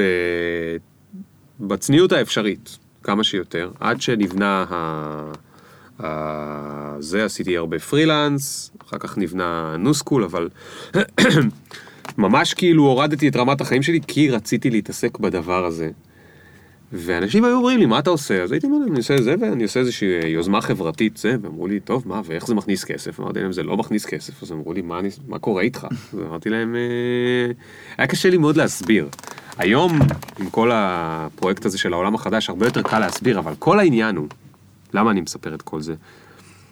זה, זה פריבילגיה בכלל להצליח לחיות בצנעה כדי שתוכל לעשות איזשהו פרויקט חברתי, אבל כל הסיפור הוא שכשעבדתי על, ה, על הדיגיטייז, ככה למדתי איך כותבים בלוגים, למדתי מה זה SEO, למדתי מה זה Facebook page, למדתי מה זה אה, מדיה חברתית, למדתי, למדתי מה זה PR, איך פונים לטלוויזיה, איך פונים לעיתונות. למדתי מה זה לעבוד עם מתנדבים, כי היו לנו בשיא איזה 15 מתנדבים. למדתי פוטושופ, כי עשיתי בהתחלה את, ה... את העיצובים הראשונים של התמונות, אני עשיתי עד שהגיעו כמה מעצבים כן. מתנדבים ועזרו לי. ולמדתי יותר טוב איך עושים copy, ואיך כותבים כתיבה שהיא יותר ויראלית, וכאילו איזה 14 skills, mini skills כאלה, micro skills, לא יודע איך לקרוא להם, שכשחזרתי לעבוד full time, או לעבוד על סטארט-אפ או זה, פתאום היה לי ארגז כלים, מצחיק עכשיו להגיד ארגז כלים עם האוטו שלך, אבל היה לי פתאום ארגז כלים הרבה יותר רציני. הולכים עם ארגזי כלים ושותים בנזין. כן, שותים ברד, שותים ברד. תשמע, אני, אני יכול להגיד לך, זה, זה, זה בדיוק הסגירת מעגל הזאת. זה הדבר הלא צפוי שאני לקחתי מהפרויקט הזה. הפרויקט הזה היה בסוף בשבילי, רציתי ללמוד, צברתי המון ידע. אתה יודע, היום אני מלווה אנשים עם, עם פרויקטים דומים. אנשים כותבים לי, בואנה בגללך, אה, לא בגללך, בזכותך. אני עכשיו, היה לי זרוקה איזה גרוטאה בחצר, ואני עכשיו התחלתי לעבוד עליה, ואנשים אומרים לי, בואנה, אני קניתי עכשיו, אני חייב, אני גם רוצה לשפץ רכב. ואני, אתה יודע, אני ממש, אה, פתחתי מרכז תמיכה, ואני, מה קונים, ואיפה, מה שלא כאילו מתועד בבלוג, כן. אני, אני משלים לאנשים ו, ועוזר להם. וזה גם, אתה יודע, זה איך שאני רוצה להחזיר לקהילה הזאת, כי כמה שאני קיבלתי את העזרה הזאת בחינם, ואנשים, אני אומר לך, שעות. מנוע שלא מניע, בן אדם יושב איתי בטלפון שעה, וואו. בשיחת וידאו, ותנסה את זה ותנסה, כאילו, ולאט לאט לומדים, עד שהגעתי לרמה שפירקתי כל כך הרבה דברים, שלא היה מי שיעזור לי בארץ. שהגעתי למצב, אני אומר לו, ומה, אבל מה עם זה? אני פירקתי דרך מרכיב, הוא אומר לי, אה, את זה אף פעם לא פירקתי. ופתאום אתה לא מוצא מישהו שעשה פירוק כל כך, כל כך מורכב. אבל מה שרציתי להגיד זה איך, איך הדבר הזה ישתלב לי חזרה ב, בפן המקצועי. שזה משהו ש... בוא נגיד, אם לא חשבתי שאני נכנס לפרויקט כזה גדול, בטח לא חשבתי שהפרויקט, התחביב הזה שאני עושה בשביל עצמי, בשביל ללמוד, יחזור ויקדם אותי בעולם המקצועי. כן. אז איך הוא מקדם אותך? אז אני יכול לתת לך המון דוגמאות. אה, אחת מהן היא... אה, אתה יודע, אתה בסוף מבלה הרבה שעות מול, ה... מול הרכב הזה. אה, אז, אז קודם כל, אה, הראש מאוד מאוד פתוח, וזה גם היה עוזר לי להשתחרר מאתגרים שהיו לי בפרויקטים, אז פתאום יש לך זמן כזה יותר שלו, וממש היו מגיעים לי פתרונות, אבל אם נלך לדוגמה יותר... אגב, יש מחקרים שמראים שזה נכון, וזה גם קשור באנדיגיטייז, אני מלמד את זה גם בהרצאות. מחקרים שמראים שכדי לפתור בעיות אתה צריך לא לחשוב עליהם. זה, זה בדיוק מה שאמרתי לך, למה אני חושב שהזמן הזה שלקחתי לעצמי בשבוע, כמה ערך הוא נותן ל, ללקוחות שלי. לא רק בזמינות שיש לי אליהם, אלא בזה שאני משתחרר, שאני לא עובד על הפרויקט שלהם, אני לא עובד על פרויקט אחר, אני יוצא לרוץ, אני עושה ספורט, אני לא יודע, אני מטייל בדרום, אני עובד על האוטו, זה דברים שאני עושה פיזית, אבל זה משחרר לי את הראש. כל כך הרבה פתרונות לאתגרי UX, שהייתי יושב עכשיו איזה יום ומשהו לא היה מסתדר לי והייתי אומר די אני עוזב את זה, אני יוצא עכשיו אה, חצי יום לשבת על האוטו, ופתאום זה, בוא, זה קופץ, אה, וואי, זה צריך להיות ככה. כן. אז זה דברים שהם קורים בטח אם אתה מפנה לעצמך זמן מחשבה, אבל דברים יותר קונקרטיים. זה בעצם היותי בן אדם אה, שקרוב לטכנולוגיה, אז אתה עושה עבודה שהיא מאוד מאוד של פעם, רצות לך המחשבות של איך הטכנולוגיה הייתה יכולה לעזור לי כאן, לדוגמה. אז אתה יודע שעבדתי על האוטו, חשבתי על כל מיני פתרונות שקשורים לעולם ה-VR, AR, איך אם עכשיו היה לי, אם אני לא מבין מה זה הרכיבים האלה, אם היה לי איזה משקפיים שהיו יכולים לאתר לי רכיבים, או הייתי מסתכל עכשיו על רכיב, הוא היה אומר לי מה הסדר של הפירוק, כן. איזה חיבור כזה בין הת- הפיזיות ל- לדיגיטליות.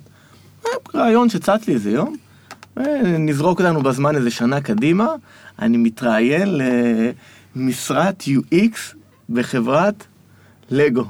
מה? כן. מה? חלום ילדות שהיה לי.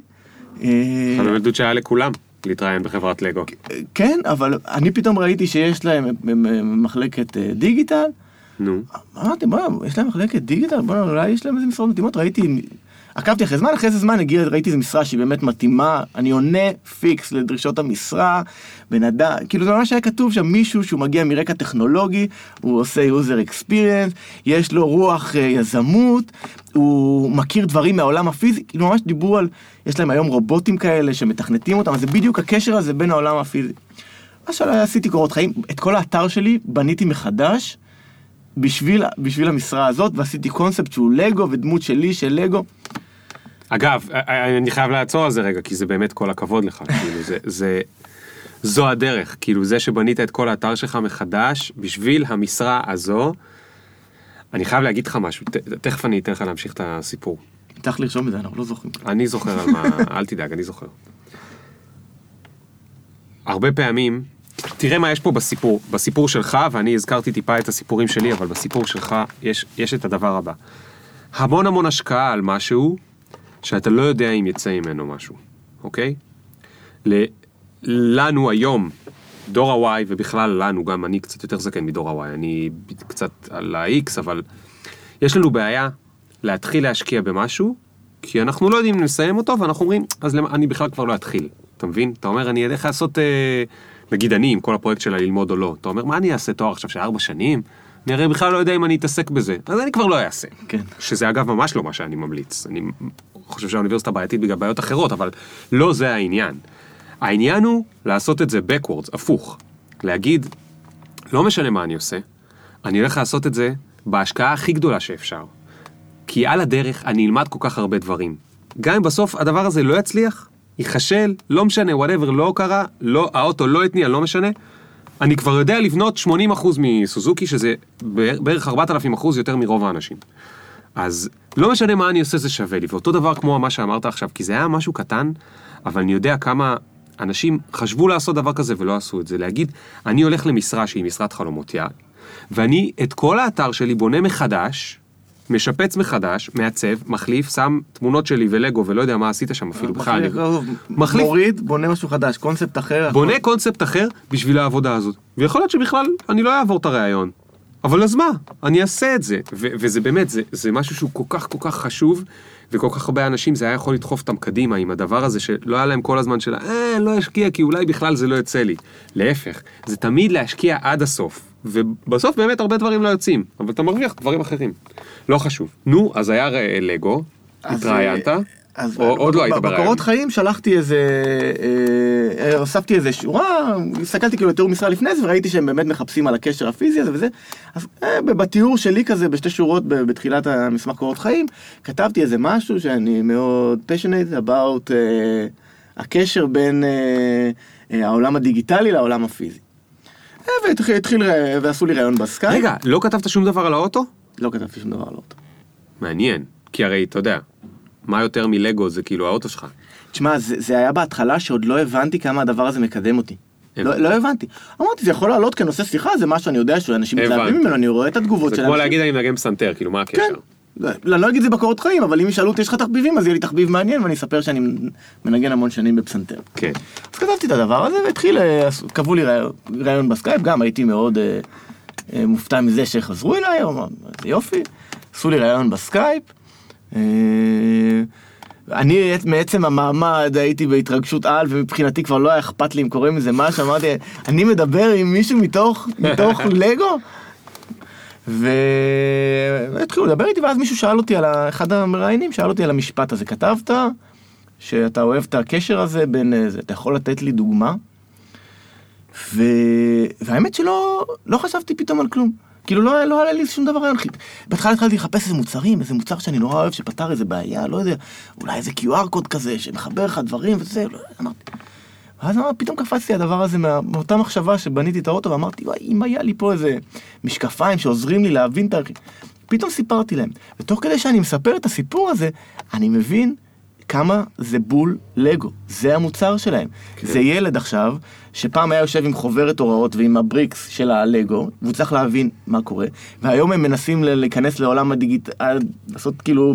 דיגיטיזציה רצינית ו- ו- ולעשות את המדריכים האלה לילדים בטאבלטים ולהכניס רובוטים שאתה יכול לעשות להם תכנות וכאלה. וכמה זה יושב להם על בעיה, מה שאני מתאר לו, שילד עכשיו, גם יהיה לו איזה פתרון עם איזה סמארטפון שהוא שם על העיניים והוא רואה איך הוא מרכיב עכשיו את הצעד הבא בלגו, הוא יכול לזהות איפה יש לו בעיה במה שהוא בנה. כאילו זה יושב להם בול על כן. איזה, פתאום הבנתי את זה תוך כדי והתחלתי להמשיך ככה בשיחה ואני אמשיך לתאר להם את זה ואז אני מתחיל לספר להם ואני מתחיל לשלם להם, לספר להם איך שהייתי קטן אז גם זה היה נוגע בי שהייתי משחק בלגו. קיצור, עפו עליי בטירוף. כבר בסוף הראיון הוא אמר לי אנחנו נקבע איתך עוד ראיון, שבוע לא שומע מהם, שבועיים לא שומע מהם, אני כותב לו מה קורה, כתב לי אל תשאל, נסגר תקן. אוי, איזה באסה. איזה באסה. כן. אז זה דוגמה אחת. דוגמה שנייה זה פה בארץ, שהגעתי להתראיין לאיזה שיתוף פעולה עם איזה סוכנות SEO מאוד uh, גדולה, וכדי לעשות איזה שיתוף פעולה בין העולמות של UX ו-SEO, והתראיינתי עם המייסד. עשה לי איזה ראיון כזה, אה, אחד המייסדים. ואנחנו יושבים בשיחה וזה וזה וזה, ופתאום הוא אומר לי, ספר לי קצת הנהר וזה, ואמרתי לו, בדיוק סיימתי לבנות טנדר ששיפטתי. מפה לשם הוא היה נהג מרוצים, חובב גדול של מכוניות, וזה היה בעננים מזה. כן. אז פה נפלתי במקרה על בן אדם שזה נורא נוגע בו. נכנס המייסד השני, אז כשהם התחלפו ביניהם בריאיון, אני שומע את, ה, את, ה, את המייסד הראשון יוצא החוצה, ושומע אותו אומר לו בחוץ, בואנה אחי, הוא fucking בנה אוטו. ואז נכנס הבן אדם השני שהוא איזה סופר טכנולוג כזה, ואז הוא שאל אותי כמה שאלות, ואז הוא בא לשאול אותי שאלה שהוא כנראה שואל בכל ראיון, והוא אומר לי, האם פעם אה, למדת משהו, מעצמ... למדת בעצמך משהו מאלף עד תו, נורא חשוב לנו אנשים שיודעים, יכולים ללכת לאינטרנט וללמוד משהו ולעשות משהו, כן. ללמוד אה, עולם שלם.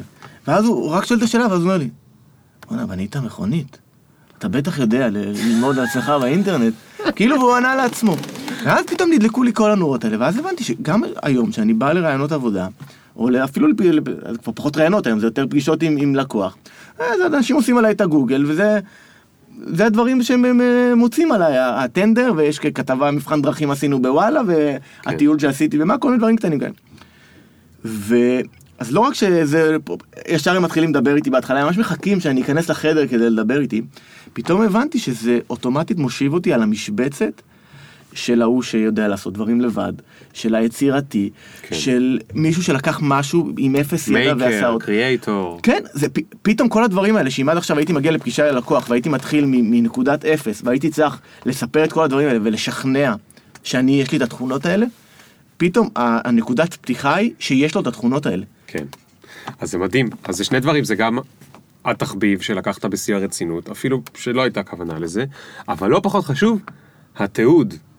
זה שיש לזה טביעת אצבע, טביעת רגל, טביעת לא יודע מה, באינטרנט, שאפשר למצוא אותך ושאפשר uh, לראות אותך, וזה באמת uh, ממש ממש משהו שהוא כלי שיש היום, וזה חבל לא להשתמש בו.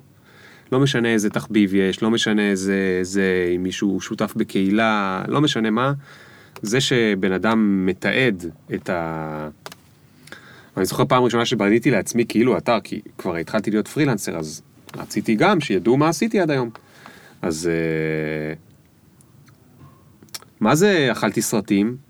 רשום שם כאילו ליאור פרנקל, די די די די די די, עשה את זה, עשה את זה, אתה מה זה אוכל סרטים, אתה קם בבוקר, אתה מוחק את האתר, אתה אומר, מה זה החרא הזה, כאילו די, מה אתה עף על עצמך, מה אתה עף על עצמך.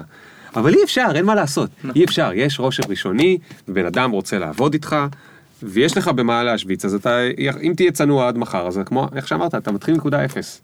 ואם אתה שם את זה בחוץ, אז אתה קצת אוכל סרטים, אבל uh, אתה בחוץ. כן, זה גם מגיע לעולמות של קשרים אישיים, פתאום אתה מבין שאנשים מקצועיים מהתחום, אנשים שהם דוקטורים, והם דוגמה בתחום של אה, חקר אה, התנהגות ודברים כאלה, פתאום אתה מתחבר אליהם מהעולמות בכלל, שגם הם משפצים איזה, כן. איזה רכב אספנות, כן. או דברים כאלה. זה בלי קשר, כל הסיפור הזה של קהילות נישה, זה דבר שהוא אה, לדעתי לגמרי... אבל למי אני לא מתחבר מיצה את מהעולמות האלה? פתאום אני מתחבר עם יעקב גרינשפן, אם אתה מכיר. מכיר, הוא מלמד בג'ולט. יפה, אז יעקב גרינשפן, אני אה, לא זוכר כבר איך התחברתי אליו בפייסבוק איכשהו, או באיזה הרצאה שהייתי, ופתאום אה, הוא ראה את השיפוט שלי, ואני ראיתי שהוא משפץ איזה רכב, ופתאום נפגשנו בתוכנית מנטורים שהייתי, שאני מנטור בבית ספר ליזמות בבינתחומי, ובפעם השנייה כבר יצאנו לחנייה וקשקשנו ליד האוטו שלי, גדול. ומתי מריאנסקי, שהוא אה, טייל באוסטרליה מתי. עם, עם ון, אז הוא גם כן בהתלהב, ופתאום אתה נוצרים קשרים כאילו מעבר לזה, עם אנשים שהם במקצוע שלך, אבל אתה מגיע אליהם. תגיד, אה, אנחנו כמעט מסיימים, אבל שאלה אחת שמאוד מעניינת אותי. נראה לך שאת ההתמדה הזאת, את הסבלנות המטורפת, את ההתמדה, אה, אפשר ללמוד, או שזה משהו שכאילו אתה נולדת איתו? נראה לי שנולדים איתו. נראה לך שנולדים איתו? כאילו כל אחד והתכונות אופי שלו. אבל נראה לי שאנשים שיש להם את התכונה הזאת של לא לסיים דברים, זה יפגוש אותם ב- בכל מקום. אני יודע להגיד שהתכונה הזאת של אפילו להיאבק יותר מדי בשביל לסיים משהו לפעמים, אז זה, יש לי את זה ב- בכל התחומים, גם בפרויקטים שאני עושה, אני יכול לפעמים לשבת פתאום לתוך הלילה כי אני, כי אני נכנס לזה ואני אסיים את זה גם בתחום המקצועי בפרויקט שאני עושה ב-UX ואני רוצה כן. לפתור משהו. עם האוטו זה היה שיגעון ברמות שאי אפר לתאר. ו- ועוד, ועוד שאלה, ו- ובכל זאת, למרות שאתה מתמידן, נגיד שזה באופי שלך, אה, זאת אומרת זה באופי שלך, אבל עדיין, אתה מדבר פה על פרויקט שהוא פסיכי. אז מה עשית ברגעים הכי הכי הכי קשים? כאילו, איך יצאת מזה? לקחת הפסקות? מה... לא היו הרבה הפסקות. תשמע, אני יכול, אני, אני כאילו, דיברת פה מלא, עכשיו, אני לא מבין כלום ברכבים, ואני לא כזה הרבה עובד עם הידיים, אבל סטארט-אפים זה, מבחינה הוליסטית, זה נשמע בדיוק כמו שסיפרת. אתה למעלה, אתה למטה, אתה זה, אתה יודע מה לעשות, אתה לא יודע מה לעשות, אתה לומד ביוטיוב, אתה לומד. בבלוגים, אתה לומד בספר, אתה שואל מישהו, כן. אתה מבקש עצה ממישהו, אתה מתכתב, אתה, ההוא מנמיביה. לגמרי. זה, לגמרי כמו uh, לעשות סטארט-אפ. אז מה עשית, בניגוד לסטארט-אפ, לא היה פה קטע כלכלי, אז מה עשית ברגעים הקשים כדי לא לעזוב את הפרויקט? תשמע, אני חושב שהיו תקופות נגיד שעבדתי יותר, ופתאום נכנס פרויקט גדול, אז זה ניתק אותי מזה. וזה אולי באמת נתן לי איזה רגע של... אה, שהתרחקתי, וכמו שלפעמים צריך להתרחק מפרויקט שאתה עובד עליו כדי לנשום, אז גם מזה לפעמים הייתי צריך להתרחק. אבל פה, אני לא אני לא יודע למה להגיד לך מה כל כך משך אותי בזה. מצד אחד זה באמת היה הרצון לסיים את זה, כי אמרתי לך, כבר פתאום נהיה איזה קהל מעריצים כזה, וציפייה נורא גדולה. וכל- אה, אז וכל- אולי זה הפידבק לופ. אתה מבין, זה, וכל מקום שאתה הולך, פתאום אומרים לך, מה עם הטנדר? זה כמו שעכשיו, כל מקום שאני הולך אומרים לי, מה עם הספרדית? וואלה, למדתי עכשיו, מה אני צריך לקשקש לכם בספרדית? אני נאבק בזה עם חברה שלי כל יום, אני עכשיו אמציא לכם איזה קטל, לא יודע. אז כאילו, אתה רוצה, אתה רוצה להביא תוצאות, אתה רוצה להראות תמונות, אבל מצד שני, לא רציתי שזה, שאני רק זה, אני לא רק משפץ רכבים. כן. אבל כאילו, נבנית סביבך איזו ציפייה שלי, אני ידעתי לשאוב ממנה המון המון מוטיבציה. המון מוטיבציה. מדהים. אני חושב שבלי האנשים מסביב, בלי התיעוד, לא הייתי מסיים בחיים. העול, העולם הזה של המשפצים, אגב, הוא מתחלק ל... יש כאלה שהם מנהלי פרויקטים, שבאים עם כסף, קונים איזה רכב, ונותנים אותו למכונאי, נותנים אותו לפחח, נותנים אותו לזה, בסוף יש להם רכב. יש כאלה שקונים ורוצ... קונים רכב משופץ, יש כאלה שקונים ואומרים אני אעשה לבד, ומסיימים עם ערימת גרוטאות בחצר, כי הם קנו מלא חלקים ולא יודעים מאיפה להתחיל, ונשארים פרויקטים כאלה, ובסוף הם מעבירים למישהו אחר. ואני באמת לא חושב שיש הרבה שעושים את זה לבד מההתחלה עד הסוף, ולומדים הכל. ושוב, את הדברים האלה אני הבנתי רק הרבה אחרי. אני הייתי כל כך בתוך זה, והכל היה נראה לי כל כך הגיוני, שאני עכשיו צריך ללמוד את זה, ועכשיו אני צריך... ואני צריך להמשיך הלאה, ואוקיי, וסיימנו עם המנוע, אז עכשיו עוברים לפחים, סיימנו עם הפחים, אז עוברים ל... איזה טירוף, איזה טירוף. טוב, עמרי, תשמע, היה לי ממש מעניין. אני אשאל אותך את השאלה המשותפת. אה, אתה מכיר אותה? מכיר אותה. מכיר אותה. אז uh, אתה טס במטוס בנחיתת חירום, ו... um, הודיעו לך שזה, שזהו, יש נחיתה, נוחתים, זה הסוף. והג'יפ שלך דאגו לו, אל תדאג, הוא מוחבא, כמו שאמרת, הוא שמור, עשו לו מוזיאון כבר, אז אתה לא צריך לדאוג לו, אתה יכול לחשוב על דברים אחרים. מה הדבר האחרון שאתה אומר, איזה באסה שלא הספקתי לעשות? בגדול אני בן אדם שמגשים חלומות, אז לא מניח, אני מניח שלא יהיו לי הרבה כאלה. החלום הבא שלי הוא לטייל סביב העולם, בשביל זה קנינו את הוון הזה. אז לא הייתי אומר את זה כי אני בכיוון, אבל בגדול משהו שהייתי חולם עליו, זה הייתי רוצה לעמוד מאחורי מחווה, מחווה דיגיטלית, כמו טינדר, מחווה אל מסכים. מה זאת אומרת מחווה? מה זה מחווה? אה, ג'סטר כזה, אה, שיוצרים. ג'סשר? כן. אוקיי. הייתי רוצה לעמוד, להמציא מחווה שתיגע בהמון אנשים בצורה באופן, באופן מאוד טבעי.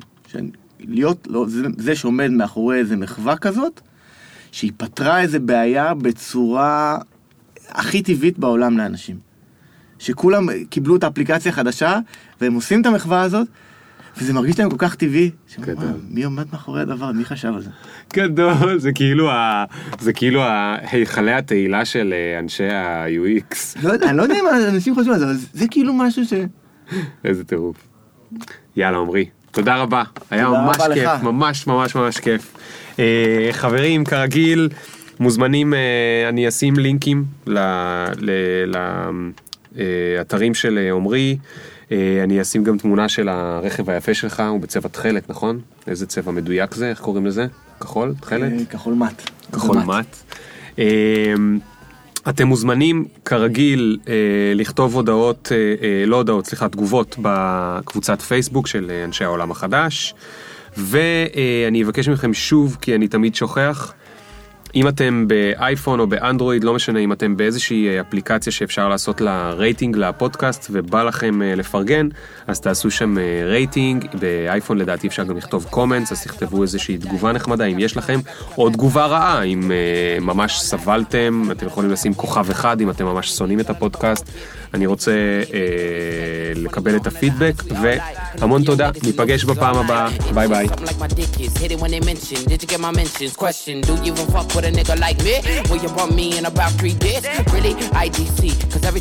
Talk, up picture. Fuck your filter. Me can't go run, but me can't repeat. No.